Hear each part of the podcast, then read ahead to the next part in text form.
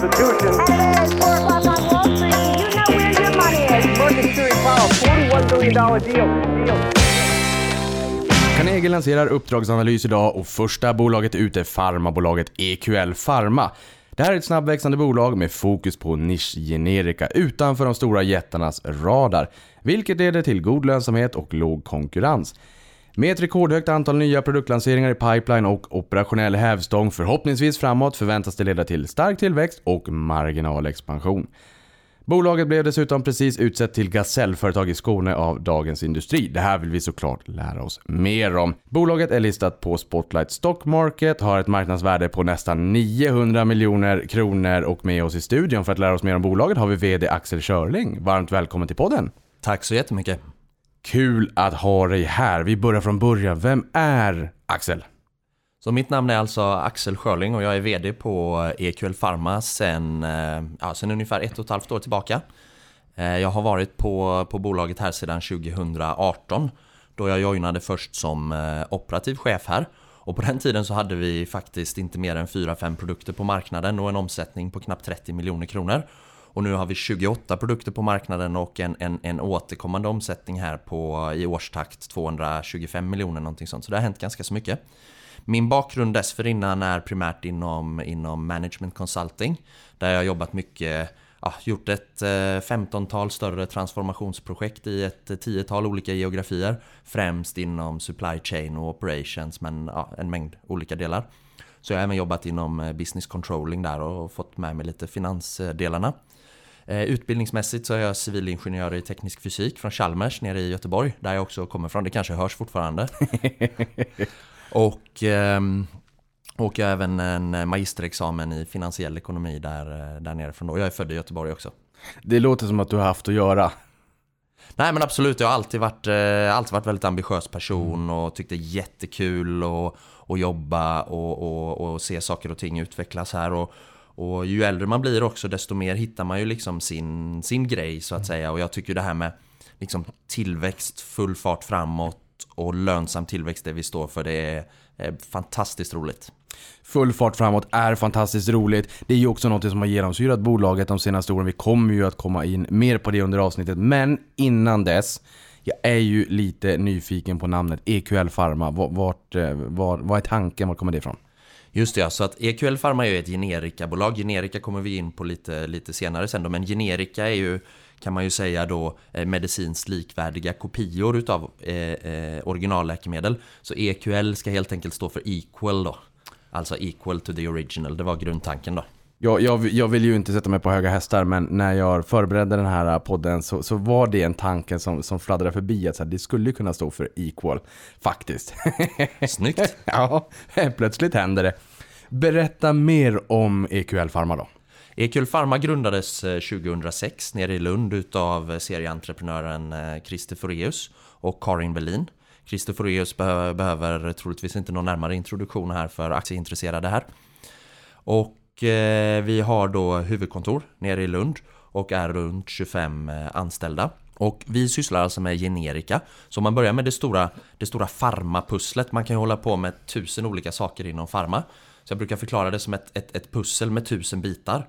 Så nere i högra hörnet så har du kanske 100 bitar som, som är generika då. Och, och vad är generika för någonting? Generika, det är alltså medicinskt likvärdiga läkemedel som får lanseras efter att patentet på ett originalläkemedel har löpt ut. Så man kan säga så här att originalläkemedelsbolag de forskar ju fram nya molekyler för att bota olika sorters sjukdomar eh, och så vidare. Och det här tar ju lång tid och kostar mycket pengar.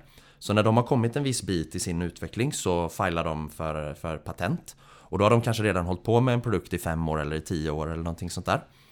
Och så har de en effektiv patenttid på säg 10 till, till 15 år. Så det är den här tiden de har liksom på sig att tjäna igen all capex som de har pumpat in i detta då. Så den, den fasen utav ett läkemedel eh, karaktäriseras ju då av att det är en spelare på marknaden, ett monopol. Och ett relativt sett ganska så högt pris då. Men det man har gjort sen då för att eh, driva ner läkemedelskostnader både för patienter och för eh, eh, staten och skattebetalarna det är att man då tillåter generiska läkemedel att lanseras efter patentet har löpt ut. Så det betyder helt enkelt att när ett patent på ett originalläkemedel löper ut då är det fritt fram för så kallade generikabolag då att lansera eh, kopior eh, på det här originalläkemedlet. Eh, så in, inom, inom den här generika-delen då utav det stora farmapusslet så finns det en mängd olika strategier eller approacher som man kan ha. Och det som ganska ofta sker i samband med ett sånt här patentutlöp det är att kanske 20 eller 25 olika generikabolag de lanserar samtidigt i princip på dagen för patentutlöpet. Det brukar kallas för en day one launch. Och det som händer med priset då det är att det går ner Det går ofta ner 98-99% på Oj. bara några veckor. Oj. Och det är ju precis det som är tanken från ett samhällsekonomiskt perspektiv. Så det är ju, är ju gott att det fungerar på det sättet. Vi ser väl då däremot att i ett sånt sammanhang adderar vi ett ganska så begränsat värde. Så vi försöker att i våran, våran lilla generika-hörna på pusslet fokusera på någonting som vi kallar nischgenerika. Och det betyder för oss då eh, generika med ganska så begränsad konkurrens. Så det som sker då vid de allra flesta patentutlöp det är att en stor mängd generikabolag lanserar de här kopi kopiorna i princip samtidigt. Men i vissa patentutlöp så sker inte detta av olika skäl. Eh, det kan vara så att det inte kommer någon generisk konkurrens överhuvudtaget eller det kanske bara kommer en eller två på väldigt lång tid. Så vi försöker fokusera snarare bakåt på gamla bortglömda patentutlöp där det av olika skäl inte har kommit så mycket generisk konkurrens. För där ser vi att vi kan addera ett stort värde. Vi kan eh, addera ett värde eh, rent kommersiellt och för våra, för våra ägare eftersom att vi kan ha mycket bättre bruttomarginaler i ett sånt segment eftersom att priserna inte har gått ner så mycket. Å andra sidan samhällsekonomiskt kan vi addera också ett stort värde eftersom att priset kanske överhuvudtaget inte har gått ner sen patentet löpte ut eller det kanske bara gått ner 20% och i och med att vi kommer så kanske det går ner ytterligare 10 eller 20% så vi adderar ett samhällsekonomiskt värde och ett aktieägarvärde då på samma gång. Men det känns ju lite som att er affärsmodell blir mer att vintage då. Man, man går in i det här museet och kollar vilka läkemedel finns det där ute som, som vi skulle kunna skapa generika på som, som du säger som kanske inte riktigt har fått den prispressen. Det kanske inte är 15-20 aktörer som day one lanserar sitt nya läkemedel. Ehm, är, är, det liksom, är, det- är det så man ska se på det? V- vad är det som gör att vissa läkemedel inte har 5, 10, 15, 20 aktörer som, som day one släpper ett generika och pressar priset nästintill pulverisera priset som du sa. Så det som, det som gör att det inte blir så på alla läkemedel, och det är en jätteintressant fråga som du ställer och det är ju precis det som, som ger ett existensberättigande till bolag som oss överhuvudtaget då. Så det man kan se då, det är att vissa typer utav läkemedel får en ganska så kulturell eller, eller geografisk prägel. Exempelvis så kan man ta med antibiotika. Eh, så har olika länder olika tradition av att använda olika sorters antibiotika. Av kanske inte någon speciell anledning mer än att det landets största farmabolag råkade ha just detta antibiotika att tillhandahålla. Så det innebär att till exempel i Norden så finns det gott om antibiotiska läkemedel som omsätter totalt mellan 20 och 40 miljoner kronor och som kanske bara säljs i sig Sverige och Danmark. Och där patentet löpte ut 1968. Och för de stora generika-jättarna så blir det liksom fullständigt ointressant att ta fram generika eh, mot, de här, mot, mot ett så litet nischoriginal. Eftersom att de vill gärna kunna lansera i 20-25 länder eh, samtidigt och, och se en potential på 300-400 miljoner kronor och uppåt. Så det finns ett, ett jättefint segment där under radarn liksom för de här stora generikabolagen och väldigt många spännande produkter. Hur stor skulle du säga att den adresserbara marknaden är? Nu inte eh, i, i kronor till att börja med, utan i läkemedel då som, som flyger lite under radarn, som är lite för små att de stora jättarna inte bryr sig. Ja men det är ju en superbra fråga. Och det vi har sett då i Norden, så att man får se lite på, på liksom demografisk basis. Norden är ju en geografi på 25 miljoner människor ungefär, där vi har fokuserat eh, traditionellt. Och vi har ju då 28 produkter på marknaden, 37 i pipeline och ytterligare kanske ett 50-tal som, som vi tittar på. Så jag menar, säg någonstans när vi har grävt klart i Norden att vi på ett patientunderlag på 25 miljoner människor har hittat någonstans 100 stycken sådana här produkter. Eh, så är det ju ganska intressant då att tänka på hur många sådana som finns ute i de paneuropeiska geografierna.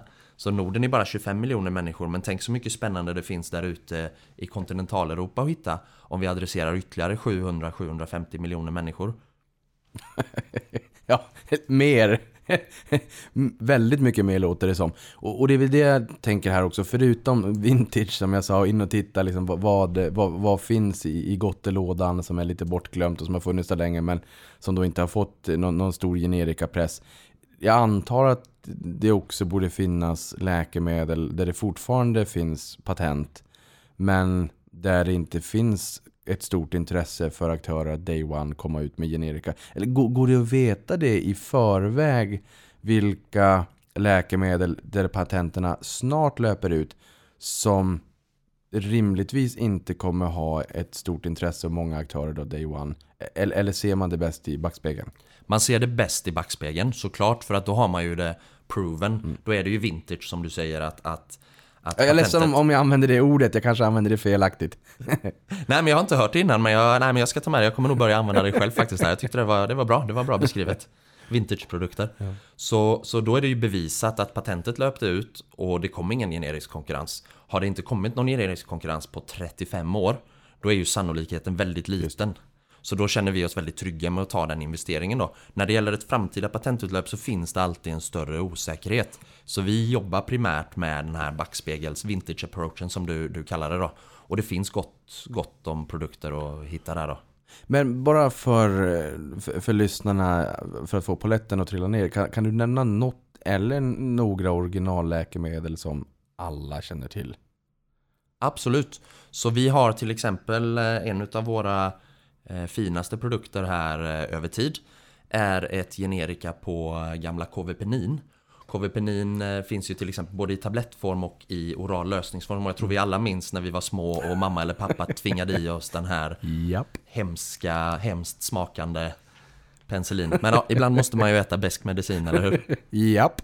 Och det har vi då, den aktiva substansen i KVPenin är fenoxymetylpenicillin V. Långt och krångligt namn. Men det är då ett, ett, ett ganska smalt eh, penicillin då, som används traditionellt i Norden. Där vi lanserade våra tabletter 2013. Och detta är fortfarande en av våra mest framgångsrika produkter. Så jag tycker det visar väldigt mycket på kraften i den här affärsmodellen. Att när vi väljer helt rätt produkter, då blir de extremt sticky. Och det är lite så vi vill bygga bolaget också. Jag brukar ta den här jämförelsen med, med hur man bygger en, en tegelmur. Där, där man lägger de olika stenarna, sten för sten. Och det tar lite tid att göra det. Men när en sten väl ligger, då ligger den där. Och det är det som är fint med de här typen av produkterna som vi väljer. Det är att de har haft en väldigt stabil försäljning i 50-60 år. Sannolikt kommer de ha en väldigt stabil försäljning i 50-60 år till. Intressant. Som jag förstår det så finns det olika typer av generika också. Såsom specialty generics, non-specialty generics och biosimilars eller biosimilarer. Vad är eh, skillnaden på de här och, och, och vilka jobbar ni med? Ja, men så jag skulle säga att i, i, i den här terminologin då så är det mer de här specialty eh, generics som vi, eh, som vi jobbar med. Så de här tre kategorierna som du beskriver här, jag skulle tänka på dem som liksom non-specialty generics. Det är generika på de här eh, stora kioskvältarna. Eh, alltså paracetamol känner ju alla till. Japp. Eh, Metformin är en väldigt vanlig eh, diabetesmedicin där du har eh, Eh, 15 aktörer på marknaden och priset är superlågt. Vi brukar kalla det för plain generics då. Eh, som står i motsats då till niche generics som vi håller på med. Om det sen gäller biosimilärerna då är det ett snarlikt koncept men ändå lite annorlunda. Så när man pratar om generika då pratar man om kopior på kemiska läkemedel. Detta är eh, läkemedel som är baserade på små eh, eller, eller betydligt mindre fettlösliga molekyler. Biosimilärer, det är kan man säga enkelt förklarat kopior på biologiska läkemedel. Och de här, de här biologiska läkemedlen de produceras inte med samma exakthet som ett kemiskt läkemedel där du får exakt samma molekyl varje gång. Utan de, de, de odlas fram och kan därmed bli lite, lite olika varje gång. Men det är därmed då väldigt, väldigt viktigt att eh, eh, ha en kontroll över hur olika de eh, får vara och ändå vara, eh, anses vara bi, just biosimilärer då. Eh, men det är inte ett område som vi håller på med. Men det är ett område som jag tror är väldigt intressant. Det växer väldigt mycket om man tittar lite på FDA. till exempel som alltid är en early indicator på vad som händer så är många utav de nya godkännande, godkännandena eh, som sker i USA Eh, är just för biologiska läkemedel. Då.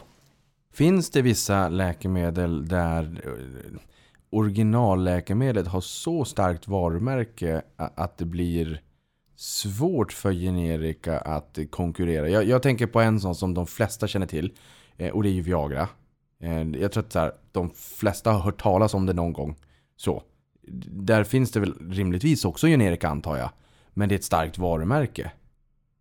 Ja men det är en jättebra poäng som du tar upp. Så vi ser egentligen två komponenter där. Det ena är, och, och, och det konceptet som du tar upp här, det är det som vi brukar kalla för generisk penetration. Alltså utav 100 patienter som hämtar upp läkemedlet, hur många väljer att ta generikat? I Sverige har vi generellt ganska god generisk penetration på 80-90% någonting Okej. sånt. Det är en ganska så mogen generikamarknad, vilket är bra för svenska staten och för svenska patienter. Sen är det en väldig spridning. Till exempel, om du hämtar ut ett läkemedel som som, du har fått någon engångssjukdom, du har ingen jäkla aning om det här, vad det här läkemedlet är egentligen, du har aldrig hört talas om det. Då får du ofta hög generisk penetration. Just det. Men om brandet är känt och det dessutom finns vad ska man säga, någon slags eh, psykologisk effekt i hur läkemedlet verkar. Så Viagra är väl ett ganska så bra exempel då, eftersom att eh, en stor del av, av erektil dysfunktion eh, kan ha med, ja, kan vara psykiskt. Och dessutom är Viagra ett starkt varumärke som många känner till. Så hade jag utan att ha någon data på det, hade jag gissat att den generiska penetrationen där är ganska så låg. Eh, och detsamma gäller till exempel så har vi generika på, um, på Alvedon. Alvedon Har man också hört talas om. Ja, det har man, det har man också, exakt. ja, har man inte hört talas om Alvedon då, då har man levt under en sten. Ja, exakt. Men där ser man också då kanske typiskt att istället om, om, om vi då är månadens vara som det heter under en viss period på ett av våra nischgenerika då får vi kanske 80 eller 90% av volymen medan som vi är det på vårat paracetamol EQL Pharma så får vi kanske snarare 50 eller 60% eftersom att patienterna är då mer lojala mot, mot Alvedon. De är, de är beredda att betala lite mer ur egen ficka för att få Alvedon för att de känner till det. Men du, månadens vara. Vad är det för något? Yes. Månadens vara är ett väldigt viktigt begrepp för oss som jobbar med generika i Sverige. Och då är det så att olika länder, de har gått tillväga på olika sätt för att implementera användningen utav generika. Och här i Sverige så har vi valt ett, ett system som vi kallar för månadens vara. Så då finns det en myndighet som heter TLV, Tand och läkemedelsförmånsverket. Långt och krångligt namn som managerar och koordinerar detta här då. Så vad de gör det är att de kör en upphandling på månadsbasis där alla läkemedelsbolag får skicka in sina priser. Och sen utvärderar de eh, för de olika läkemedlen och för de olika pak paketstorlekarna och styrkorna vem är billigast per tablett? Och den då som är billigast per tablett eller per kapsel eller per milliliter eller vad det nu är den blir månadens vara. Och då enligt svensk lagstiftning så är alla apoteken skyldiga att ta hem de här produkterna eh, varje månad och även fronta dem mot patient. Och det är även så att de får en extra marginal som kallas för generika 10 om de säljer det här läkemedlet som är det billigaste då. Så det blir också en väldig logistik då fram och tillbaka hela tiden när varje månad stora delar av sortimentet ute på apotek ska, ska bytas ut då. Ja, herregud. Ganska skönt då att ni inte sköter det själv kan jag tänka mig. Väldigt skönt. Och vi försöker operera på en helt virtuell modell så att vi har som jag brukar säga inget stål i balansräkningen överhuvudtaget. All tillverkning, all utveckling sker med legoutvecklare och legotillverkare. Lagerhållning och distribution med 3PL. Så att vi verkligen kan fokusera på att vara kommersiella. Ett litet snabbfotat intelligent team nere i Lund som, som sköter detta. Just det. Så det är inga konstigheter när det blir månadens vara om ni råkar bli det på, på eh, flera generika så att säga. Jag tänker produktions och logistikmässigt. Det ska inte vara några Nej, problem med normalt sett utan det som är väldigt, väldigt viktigt för oss där det är eh, vilka lagernivåer vi har och lagerplanering. Så det som brukar kallas Sales and Operations Planning då. Men med tanke på att de här nischgenerikorna har ganska så förutsägbara volymer och väldigt stabila volymer så kan vi jobba med ganska så stora säkerhetslager och, och väl avvägda rotationslager sådant att vi aldrig missar en möjlighet att sälja då. Men berätta då mer om affärsmodellen. Du säger ni jobbar ju med nischad generika i marknaden med, då med svag eller obefintlig konkurrens. De globala jättarna bryr sig inte, det är alldeles för smått, det blir för mycket administrativt jobb. Men, men, men det ger ju också en ganska fin lönsamhetspotential för, för de läkemedel som ni riktar in er på och gör generika på. Berätta mer om affärsmodellen och vilka generika ni, ni är mest intresserade av. Så eh, när det gäller vårat, vårat hantverk då så lägger vi väldigt mycket tid, energi och resurser på att välja ut rätt läkemedel. Det finns generikabolag som också är bakåtblickande, som vi är. Eh, som, inte, som inte är superpicky med vilka produkter de tar in i sin portfölj. De tar in stora produktportföljer och så vissa blir bra, vissa blir dåliga. De, de bryr sig inte så mycket. Men vi är super, super noggranna men vi tar in. Så vi gör väldigt mycket analys. Vi har ett nätverk av experter runt omkring oss. Vi har inhouse har vi väldigt, väldigt högkalibrig personal som jobbar med att titta på detta. Och sen en investeringskommitté som består av bland annat mig själv då som i slutändan ger tumme upp eller tumme ner för en viss produkt. När vi har bestämt, bestämt oss för att vi vill föra en produkt till marknaden då tittar vi alltid först Finns det något annat bolag som har utvecklat en dossier som det heter då på den här produkten? Vad är Alltså ett- dossier? Ja. det är, det är kan man säga den här, den här bibban med papper som man skickar in till myndigheter för att få ett visst eh, läkemedel godkänt då. Så man kan egentligen säga, finns det något annat företag någonstans som har utvecklat ett generika på den här produkten tidigare? Eh, och om det gör det, då blir det både billigare och snabbare för oss att köpa en licens på det läkemedlet. Då kostar en sån licens typiskt 500 000 kronor och vi kan vara på marknaden eh, 18-20 månader eh, efter beslut. Och vi får ofta return on investment på, ja men vi kan få return on investment på 6-7 månader från lansering på en sån typ av produkt. I de fallen där det inte finns något generika på produkten alla redan så kontaktar vi någon utav våra CDMOer Contract Development and Manufacturing Organizations och ber dem ta fram Eh, en sån här generisk dossier. Alltså egentligen forska fram ett sånt här generika från scratch. Och då tar det typiskt eh, 3 till 5 år och kostar kanske storleksordningen då 5 till 8 miljoner kronor istället. Men vi gillar också den modellen för att det blir ett visst etableringshinder kan man ju säga för våra konkurrenter. Eftersom att det tar tid och det är dyrt och det är lite jobbigt eh, att utveckla själva. Och när det gäller då typ av, typ av produkter som, du, som, som var, var din följdfråga där också så jag menar vi, vi är så kallat terapiområdesagnostiker. Ett, ett annat långt och fint ord. Men, men vad det är Många i din bransch. Ja, ja, många sådana. Säkert som i alla branscher. Jo. Men vad det egentligen betyder är att eftersom att vi har i, eh, i Sverige det här månadens vara-systemet som egentligen går ut på Det är ju egentligen våran försäljning. Och den går egentligen ut, alltså du behöver en normalbegåvad person och en dator.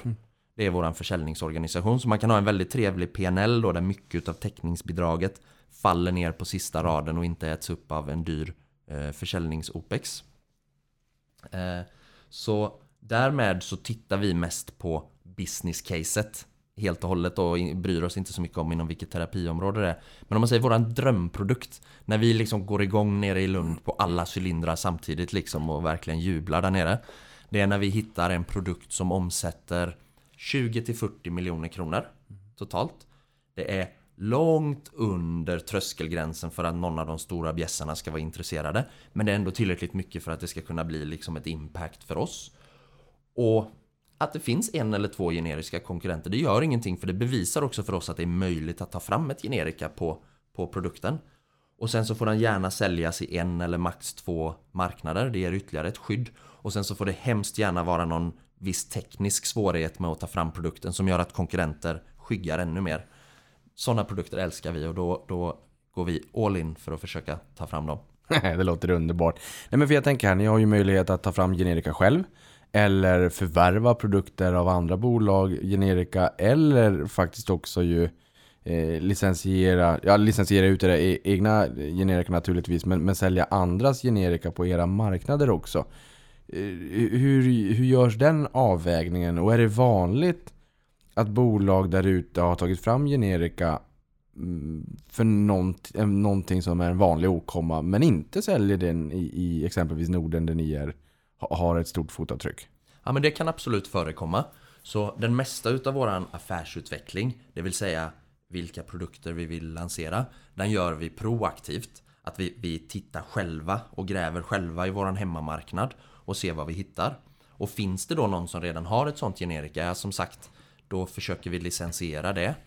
Och, eller möjligtvis bli nordisk distributör, vilket är, ja, det är en hårfin skillnad. Där vi säljer eh, åt ett annat eh, företag då.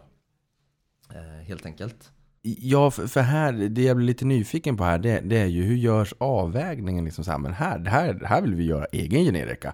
Eh, eller här vill vi förvärva produkten från ett bolag. Vi vill förvärva det här eh, varumärket, den här eh, generikan som, som de har tagit fram till vår produktportfölj kontra att bli exempelvis nordisk distributör. Hur, hur när ni sitter hemma på kammaren där i Lund, hur, hur går tankegångarna? Hur, hur ser avvägningen ut?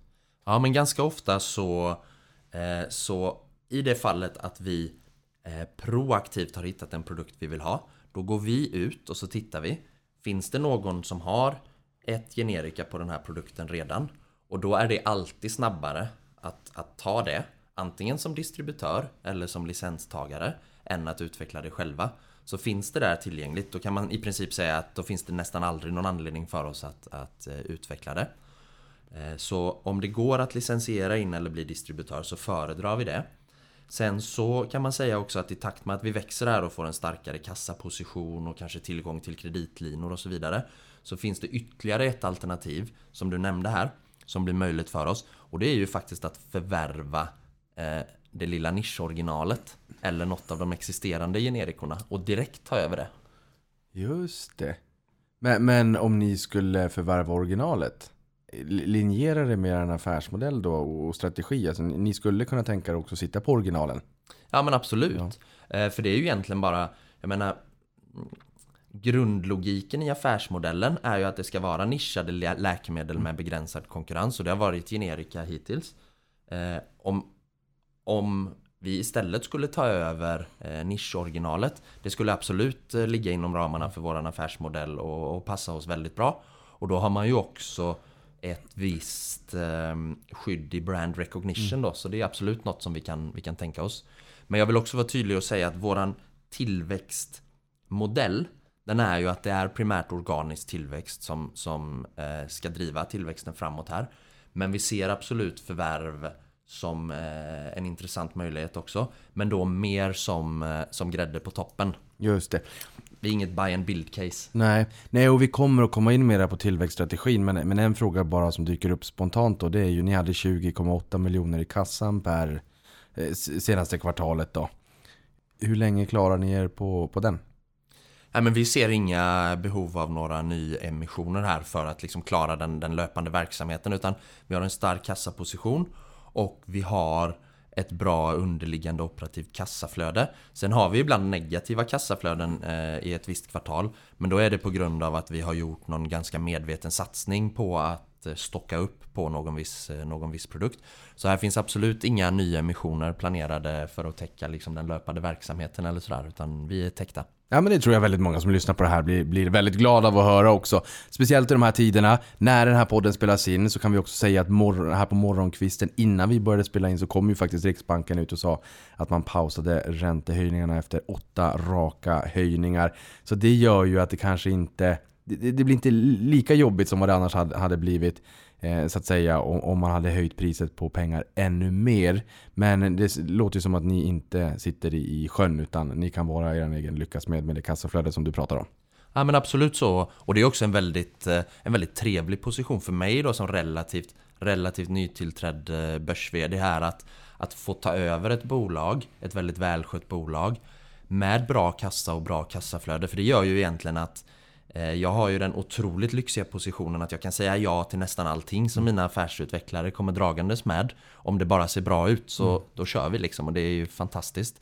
Och sen så kan man säga att även om inte vi har kanske inte haft någon direkt stress kopplat till de höga räntenivåerna när det gäller, eh, när det gäller kapitalanskaffning då eftersom att vi, eh, när det gäller equity-sidan så är, vi, så är vi täckta.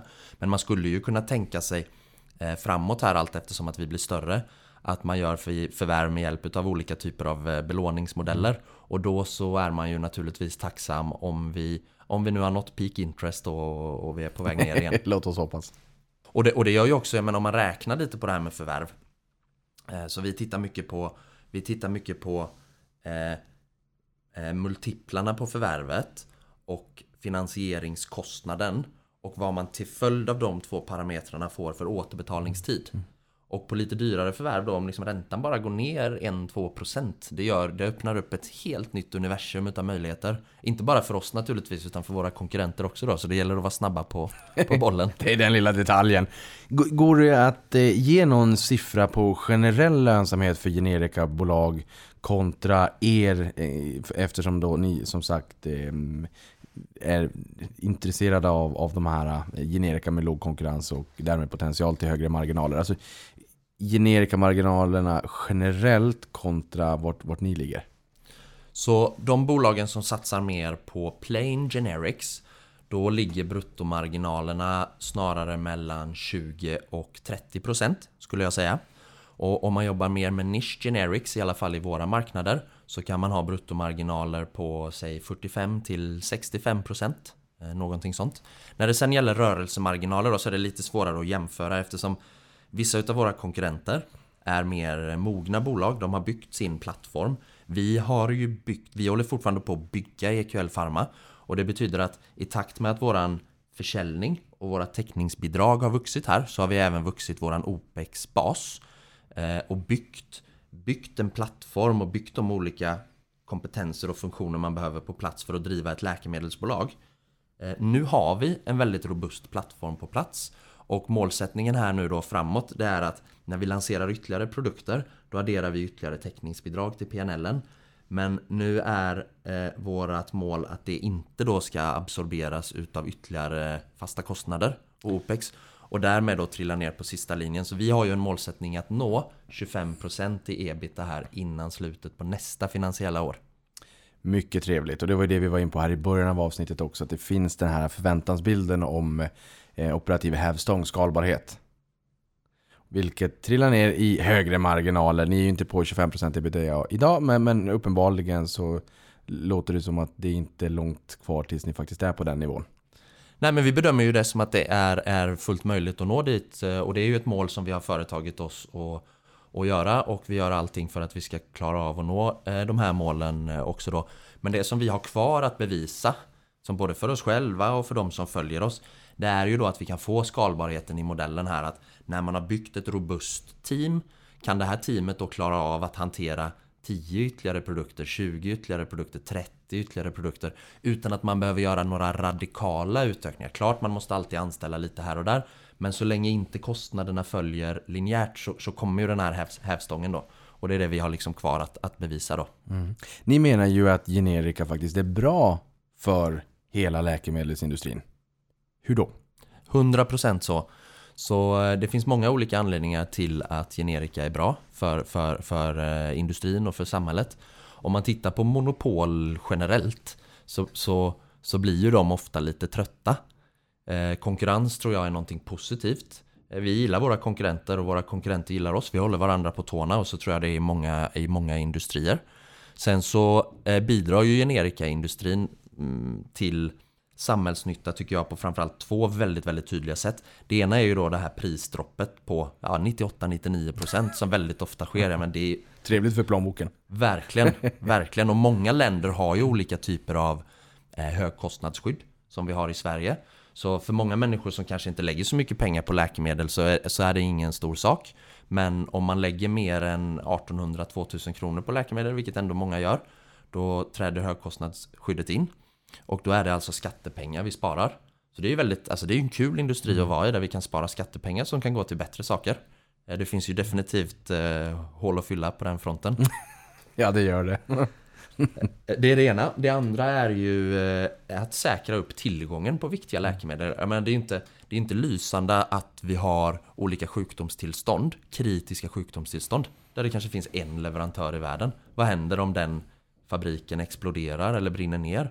Vad händer om det företaget förvärvas av eh, någon amerikansk riskkapitalist helt utan eh, känsla för eh, sve- svenska skattepengar så att säga och tiodubbla priserna helt plötsligt. Har hänt. Har hänt. Så jag tror att, jag tror att generikaindustrin bidrar till, till att vi får en kostnadseffektivare vård, att vi får en mer jämlik vård, att vi får en tillgänglig vård.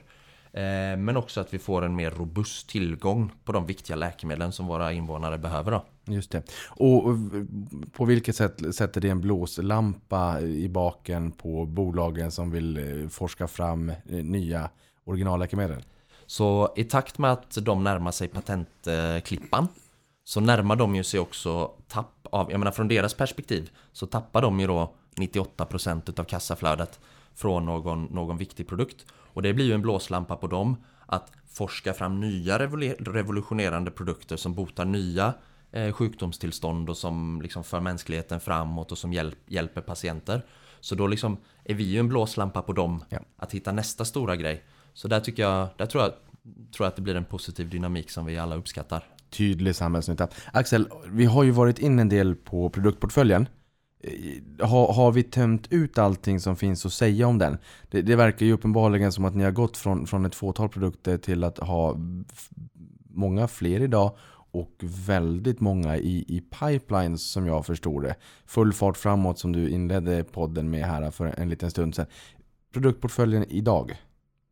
Ja, så eh, men låt oss zooma in lite på produktportföljen då. Vi har ju 28 olika produkter på marknaden. Vi har 37 i våran pipeline och vi har ytterligare en mängd som vi tittar på. Om vi börjar med våran portfölj då så har vi delat upp den i tre olika segment. Så vi har det här segmentet som vi kallar för retail. Det står idag för ungefär 80% utav våran försäljning. Och retail det är de här då traditionella receptbelagda lä- läkemedlen.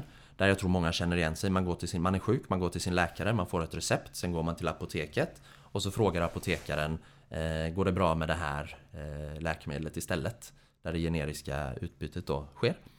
Och här är våran försäljningskanal då, det är det här månadens vara-systemet som jag förklarade tidigare. Och det finns ett snarlikt system i, eh, i Danmark. Norge fungerar lite annorlunda eftersom att apotekskedjorna och grossisterna är vertikalt integrerade i Norge. Eh, sen så har vi vårt segment som heter Hospital. Och det här är alltså sjukhusprodukter för patienter som är inlagda på slutenvården. Det här segmentet står bara för ungefär 5% utav vår försäljning i dagsläget. Men kommer kommande år att relativt sett bli betydligt mer relevant. Kanske upp till 30-40% utav vår försäljning ungefär. Här är försäljningskanalerna då olika typer utav offentliga upphandlingar. Och det betyder att när vi har fått ett sånt här marknadsföringsgodkännande då blir liksom ramp-upen för en sån här produkt att nå sin fulla potential Den blir mycket långsammare. Vilket vi då, uh, ivriga som vi är nere i Lund tycker, är, tycker är lite surt. Naturligtvis. Men samtidigt så är de här kontrakten långa. Och sköter man sig, vilket vi gör Så får man allt som oftast förlängningar. Så man kan få kontrakt på, på upp till fem år exempelvis i Finland.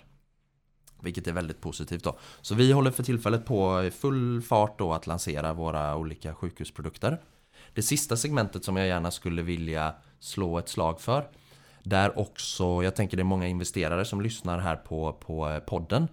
Eh, så är det vårt segment som kallas för branded. Och det är väl där som kanske den stora optionaliteten i EQL Pharma finns då Alltså den riktigt stora uppsidan eh, i, i bolaget. Och den står i dagsläget för ungefär 15% av vår försäljning.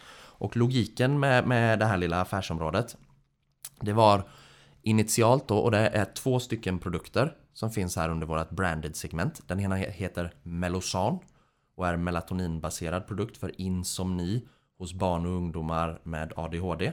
Den andra heter Memprex som är baserad på metenaminhipurat som används som profylaktisk, alltså förebyggande behandling för kvinnor som får återkommande urinvägsinfektioner istället för antibiotika. Och det är ju trevligt. Det här kommer vi komma in på för det är ju inte helt oproblematiskt. Vi har ju, precis som jag antar att du syftar på här, så har vi en megatrend i samhället som är antibiotikaresistens.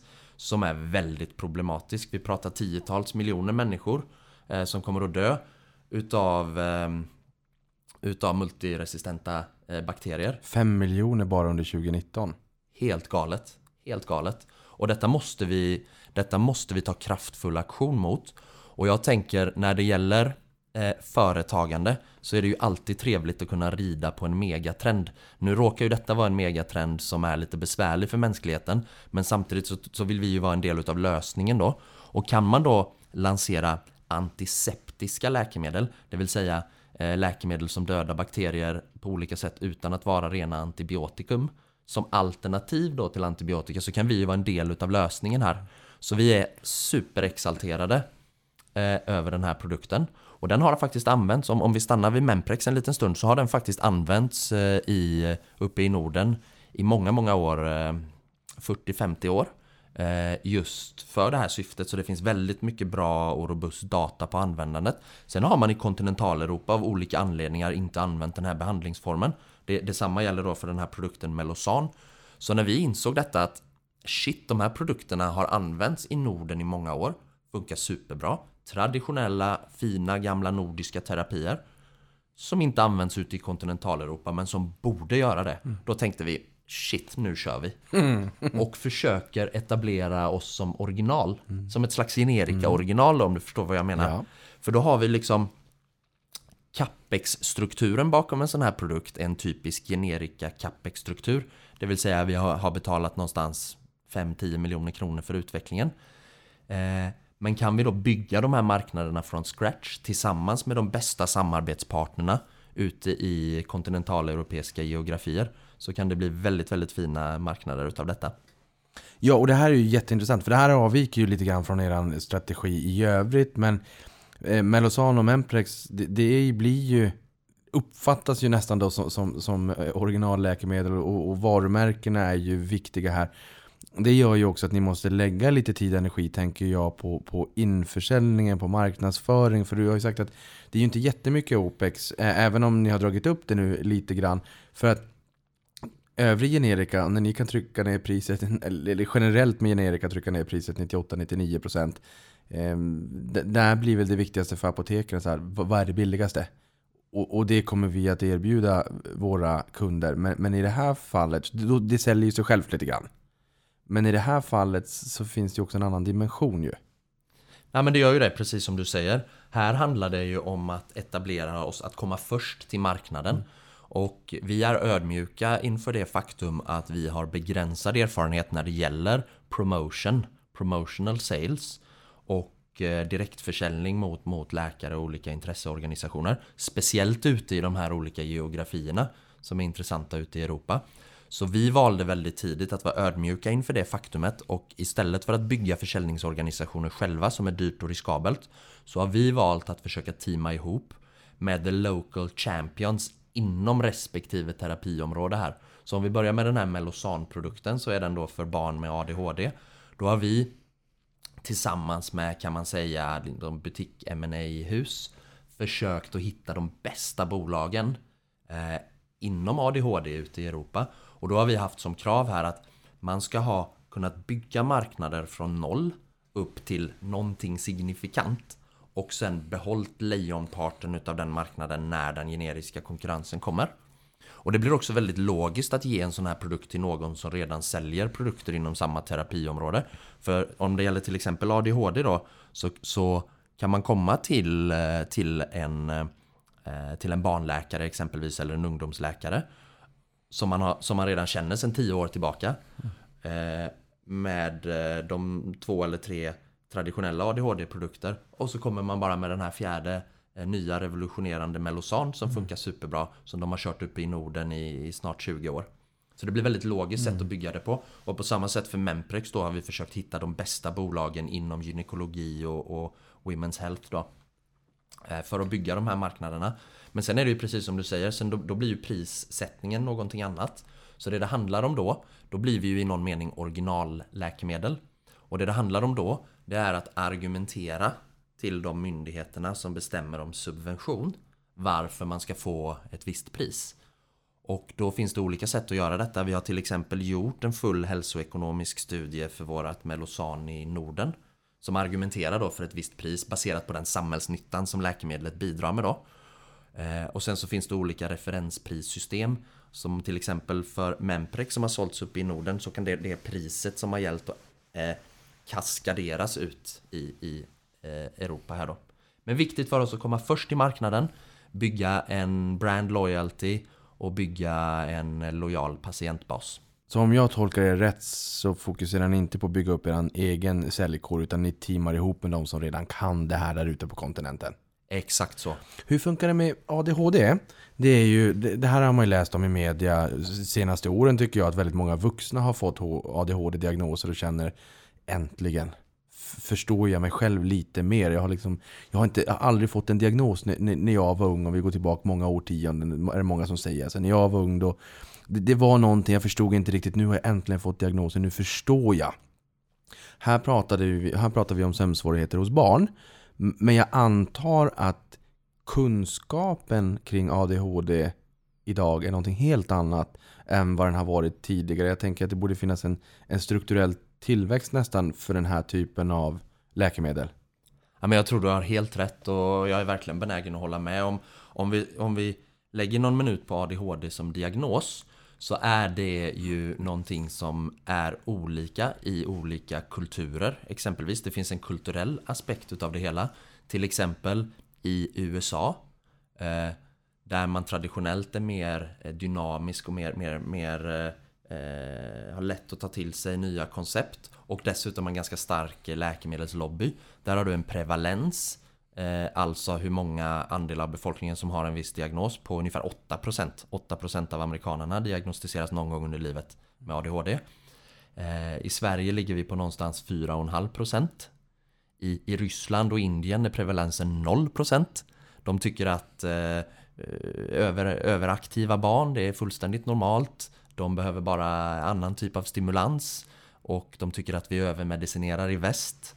Och de ser det inte som en neurologisk sjukdom på det sättet som, som vi gör Så det är den ena aspekten av det Den andra aspekten då det är ju eh, den, den kulturella mognaden i någon mening. Så i Sverige så har vi eh, tagit till oss av detta och arbetat med detta som du säger här i ganska så många år.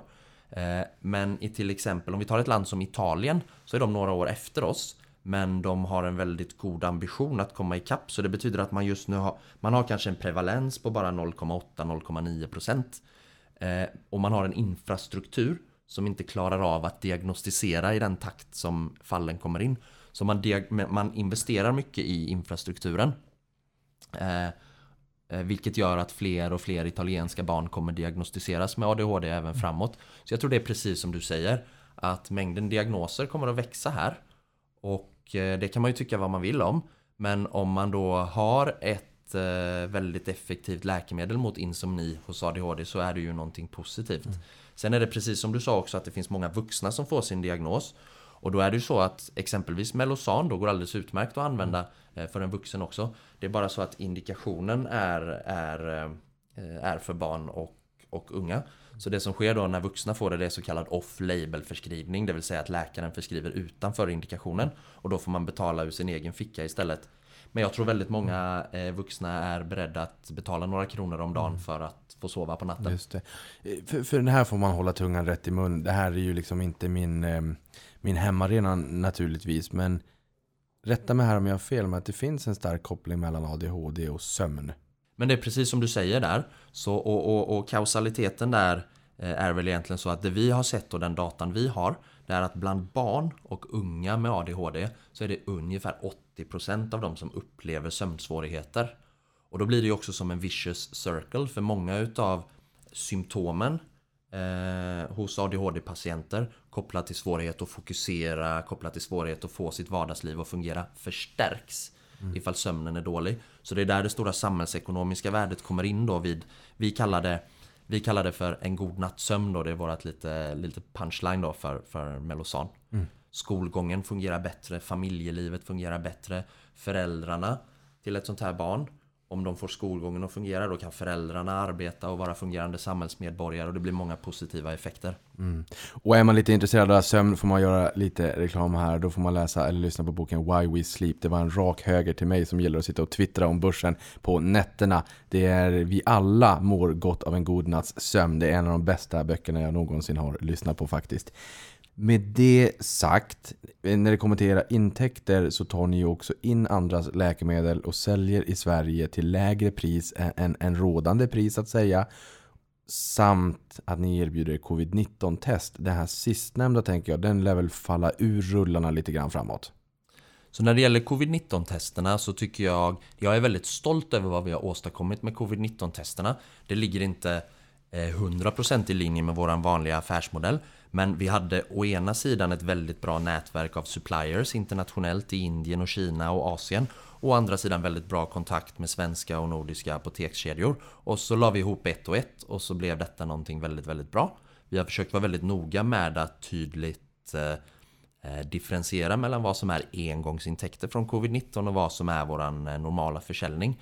Dock har vi ju då med hjälp av de här höga covid-19 testförsäljningen lyckats fylla på kassorna väldigt bra på ett sådant sätt att vi kan ha den här full fart framåt mm. i affärsutvecklingen då.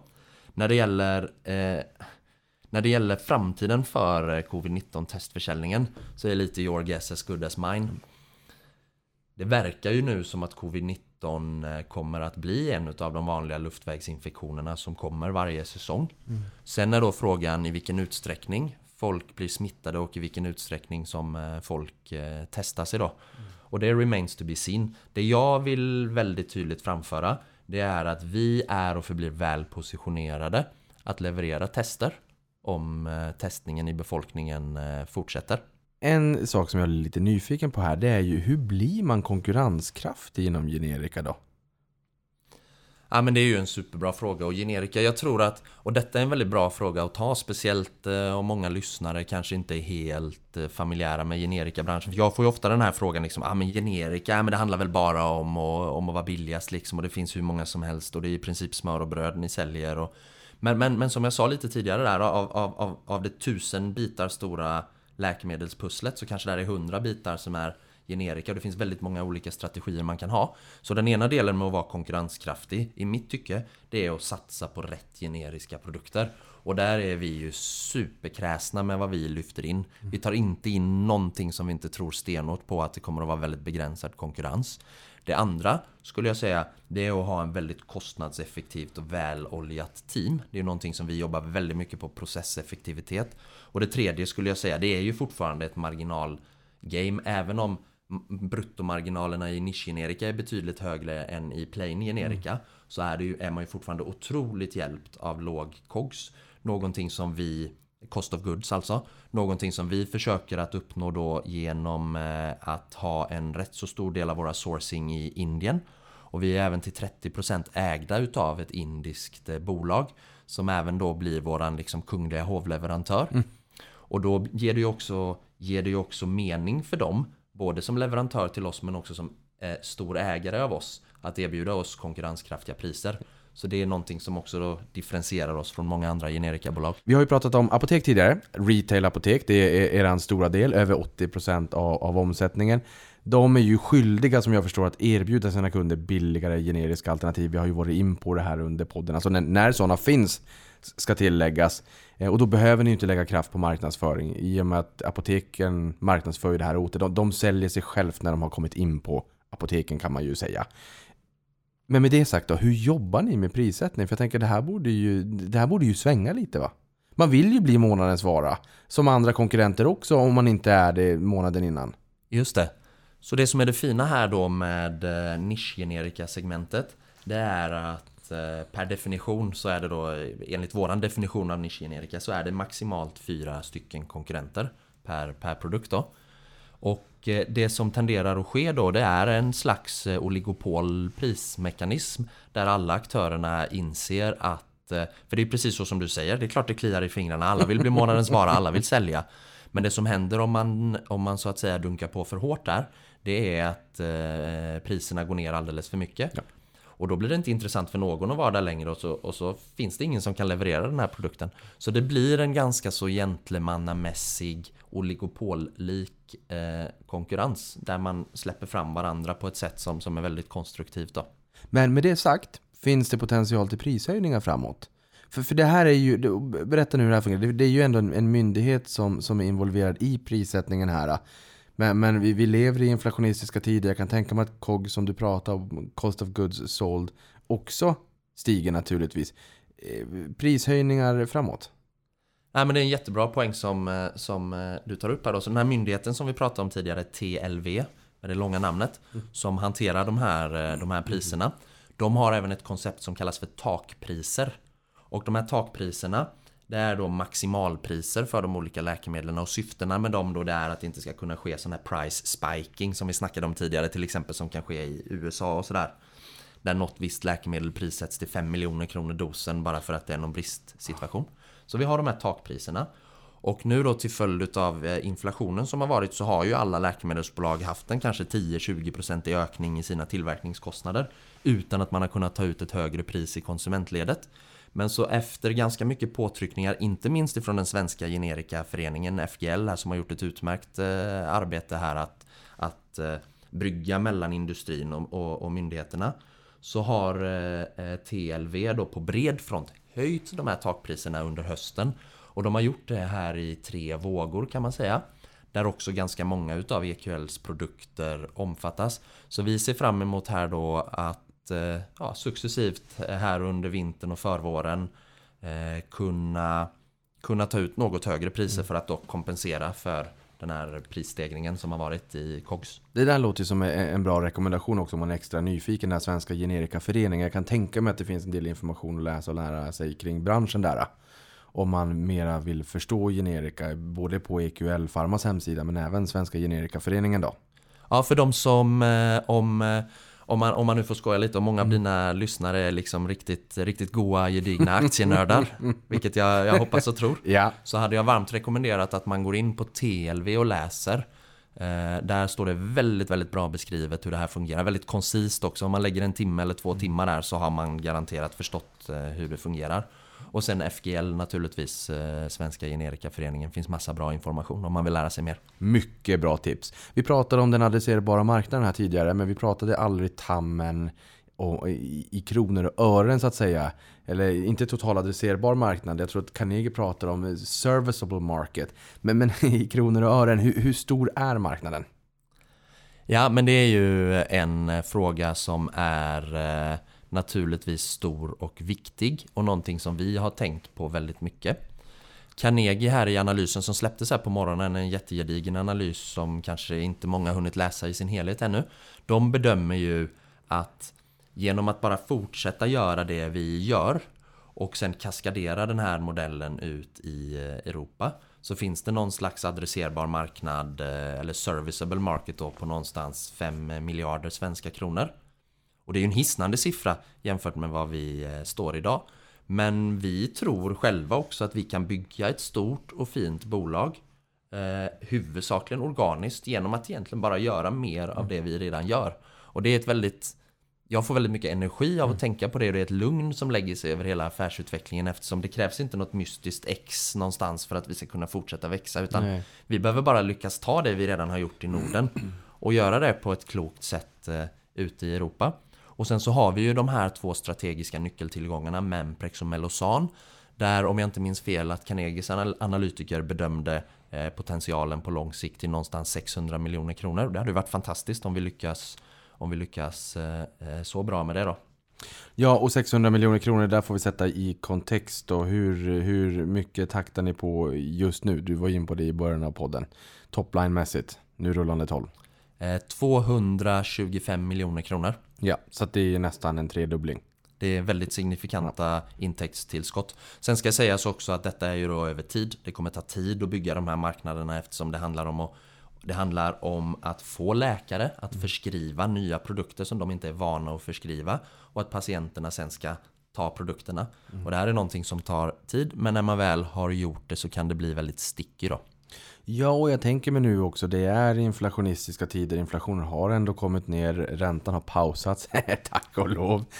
Men det är ändå trevligt för plånboken om man kan få eh, liksom likvärdigt läkemedel, eh, men till en lite billigare peng. Och här har jag fastnat lite grann för, för några siffror eh, som sa att originalläkemedel står för omkring 70% av försäljningen i utvecklade länder och förväntas ha en tillväxt på 5% kommande fem åren. Alltså en kaggersiffra enligt IQVIA. Och tittar vi då istället på generika så utgör försäljningen där 19% branded och unbranded. Men 90% av förskrivningarna enligt Association for Accessible Medicines Sätt lite färg på det. Det jag tolkar det, det är ju som att originalläkemedel, de står för den stora batchenförsäljning idag. Men trenden framåt verkar ju var, ligga i favör ändå mycket för generika. Ja, men jag drar precis samma slutsats som du av de siffrorna. Det var jätteintressant för mig att höra. Så det, min reflektion det är att ja, originalläkemedlen de står naturligtvis för lejonparten eh, utav försäljningen. Helt enkelt av den enkla anledningen att eh, det finns många originalläkemedel där patentet inte har löpt ut ännu. Eh, som därmed har ganska så stora marknader och höga försäljningspriser. Så värdet på den totala marknaden är större än på generikamarknaden. Men eh, jag menar vi är tålmodiga och det fina med de här originalläkemedlen är att förr eller senare så löper patenten ut. Och så som jag tolkar din data då det är att när väl patentet löper ut då kan vi se fram emot eh, ja, i snitt då eh, 90% i generisk penetration. Vilket, är, vilket är fantastiskt. Eh, för oss som generikabolag, för patienter och för samhällen i stort. Som jag förstår det så har ni också en stark pipeline av nya produkter här. Också någonting vi har varit in på under podden. Under innevarande år förväntas ni lansera fem nya produkter. Den som är snabbtänkt, tänker här under innevarande år, vänta nu. Det är snart Black Friday, det är snart julafton. Det är inte jättelångt kvar på det här året. 14 nästa år och 10 året efter det. Och för att ge lite grann av en kontext här så lanserade ni en ny produkt 2020 2021, 2022, det vill säga brutet räkenskapsår då. Och två nya produkter 2022, 2023. Det låter som att ni är framtunga och som du har varit in på, gillar att springa fort framåt. Precis så. Så anledningen att eh, vi har, så det som har skett då som förklarar detta Det är att eh, vi har historiskt lanserat främst sådana här retailprodukter De går ganska snabbt och smidigt att lansera det som har hänt nu de senaste åren det är att vi har fått mer och mer godkännanden på de här sjukhusprodukterna och när man får ett godkännande för ett sjukhusprodukt innan man kan lansera den så måste man vänta in en offentlig upphandling Man måste delta i den man måste vinna den och man måste vänta på att kontraktet börjar. Och detta kan ta, det kan ta två, det kan ta tre år också. Så det är, de ligger i lanseringsfas under betydligt längre tid. Så det är anledningen till att vi har lanserat lite färre produkter de sista eh, åren här då. Men att vi ändå blir lite mer då lanseringsintensiva här eftersom att vi vinner upphandlingar löpande för de här sjukhusprodukterna. Mm. Och berätta kort lite mer också om det här samarbetet. Eh, 2015 så inledde ni ett strategiskt samarbete med Cadilla Pharmaceuticals som tillika då är eran största ägare eh, och därav också incitament att ge er schyssta priser i syfte att expandera pipeline och produktionskapacitet. Som du har varit in på, 28 nischade generika läkemedel. Idag en pipeline på 37 kandidater. Mycket som just nu är på väg ut kommande år. Samarbetet, hur, hur viktigt är det här för er? Berätta mer. Det är ett otroligt viktigt samarbete och någonting som också, en setup som gör oss helt unika. Så mm, dealen eller liksom the spirit of the partnership som vi har med Cadila Pharmaceuticals. Det är då att de ska vara våran De ska vara våran kungliga hovleverantör när det gäller utveckling och när det gäller tillverkning. Så det betyder att när vi vill ta ett nytt eh, nischat läkemedel till någon av våra marknader Då går vi till dem först. Vi frågar dem först om de har möjlighet att eh, utveckla åt oss. Och i så fall om de eh, erbjuder ett konkurrenskraftigt pris Då får de i uppdrag att göra detta åt oss eh, Till då en, en investeringskostnad som är betydligt lägre än vad våra konkurrenter har. Och anledningen till det är att Cadila är eh, ett av Indiens största läkemedelsbolag och de har försäljning worldwide. Så då gör vi en så kallad co-development där vi får som EQL får europeiska rättigheter och de får resten av världen. Och det betyder att vi kan betala en lite lägre peng då eh, i capex än vad många av våra konkurrenter hade behövt göra Vilket gör också att vi kan bottenfiska lite mer. Eh, Det finns produkter då som många av våra konkurrenter kanske inte kan titta på Som är intressanta för oss då. Sen så då naturligtvis väldigt väldigt viktigt att Cadila är kostnadseffektiva i sin tillverkning Vilket vi bedömer att de är. Och då erbjuder oss eh, väldigt kostnadseffektiva priser. När du säger capex, då tänker jag lite grann också på R&D, forskning och utveckling. Det, om jag har förstått det hela rätt, har ni inte inhouse själva. Så som, så som det funkar eh, om man säger balansräkningen och resultaträkningen för oss Det är att våran så att säga forskning och utveckling Består ju i att ta fram nya sådana här generiska dossiers. Och den har kan man säga två eller tre huvudkomponenter utav Capex då Som vi skickar upp i balansräkningen. Den ena är då att en sån här Lego-utvecklare tar en viss peng För att göra utvecklingen Säg 500 000 euro. Och den här pengen fördelas sen på ett antal olika milestones allt eftersom projektet fortskrider. Och detta skickas då upp i balansräkningen. Sen i tillägg till den här eh, milestone-betalningarna så har vi våran interna tid. Där vi också då skickar upp en del i balansräkningen, den delen av personalen som arbetar med, eh, med produktutveckling. Och så den sista delen då olika typer av submission fees, alltså kostnader med att skicka in ansökningar som också kapitaliseras. Så den stora, den stora tillgångsposten i våran balansräkning är intangible assets, någonstans 120 miljoner. Och där är våra produkter helt enkelt som ligger, där finns inget stål där. Nej. Och produkterna, produkterna skrivs av på 10 år ifall det är egenutvecklade produkter och de skrivs av på 5 år ifall det är licensprodukter. Vad, vad, eh, du har ju varit in lite grann på vad det kostar här då. Men hur, lång tid tar det att ta fram ny generika och vilka är de största riskerna? Så när det gäller ett, eh, ett egenutvecklat generika så tar det 3 till 5 år att föra till marknaden. Och det beror lite på vad, vilka olika utmaningar som uppstår. Så det här det kanske låter, och det tyckte jag själv också faktiskt, det låter väl inte så jäkla svårt att ta fram en kopia på någonting som någon redan har tänkt ut. Liksom, hur svårt kan det vara? Men det här är eh, otroligt komplicerat och det här är produkter som ska in i en människas kropp och där inne bota ett sjukdomstillstånd och den ska göra det på ett säkert sätt och på ett förutsägbart sätt. Och i labbmiljö så kan det alltid hända olika eh, saker. Eh, så det händer i princip alltid i våra utvecklingar så händer det olika tekniska utmaningar som vi får, vi får lösa på olika sätt. Det är därför det är väldigt svårt att från början säga exakt hur lång tid en utveckling kommer ta. Men 90% av våra projekt gör vi inom, inom 3 till 5 års tid. Och de eh, flesta blir godkända? Så vi har en success rate idag på ungefär 70% om man säger historiskt. Och vad betyder då det? Det betyder att av 10 stycken utvecklingsprojekt som vi drar igång så är det sju av dem som i slutändan blir då en så kallad lyckad lansering. Det vill säga att det blev ungefär så som vi hade tänkt oss. Och det här, jag är inte riktigt nöjd med eh, de här 70 procenten. Jag tror aldrig vi kommer kunna upp till, komma upp till 100 för det finns alltid en osäkerhet. Men, men internt så, så tar vi satser och försöker komma upp till en success rate på 90% i våra utvecklingsprojekt. Då nischad generika som tickar alla era boxar sällan är till salu så har jag förstått att ni har utvecklat mycket själva genom åren och det för mig osökt in på eran tillväxtstrategi och balansen mellan organisk och förvärvad tillväxt. Hur ser tillväxtstrategin ut? Så våran tillväxtstrategi den är att eh, vår, våran tillväxt i försäljning och i rörelsevinst den ska kunna näras av helt organisk tillväxt, det vill säga de här 37 produkterna som vi har i pipeline. De tar oss ju till en nivå. De här ytterligare kanske 50-tal produkter vi tittar på för Norden tar oss till någon annan nivå och vi är ute och letar i Europa eh, efter nischgenerika. I tillägg till det så vill vi göra förvärv när vi ett hittar saker och ting som vi tror är riktigt, riktigt bra. Och det kan vara inkromsförvärv, det vill säga att vi köper rättigheterna till något litet nischoriginal eller något annat nischgenerika. Det skulle också kunna vara plattformsförvärv där vi köper ett mindre bolag för att till exempel komplettera med någon geografi som vi inte behärskar idag. Eller komplettera med någon ny affärslogik som är närliggande den vi har men inte helt eh, överlappande. Men jag vill vara tydlig med att säga att EQL Pharma är inte ett buy and build case. Utan vi känner att vi har kontroll över tillväxten organiskt. Förvärv gör vi när vi hittar bra grejer till rätt multiplar.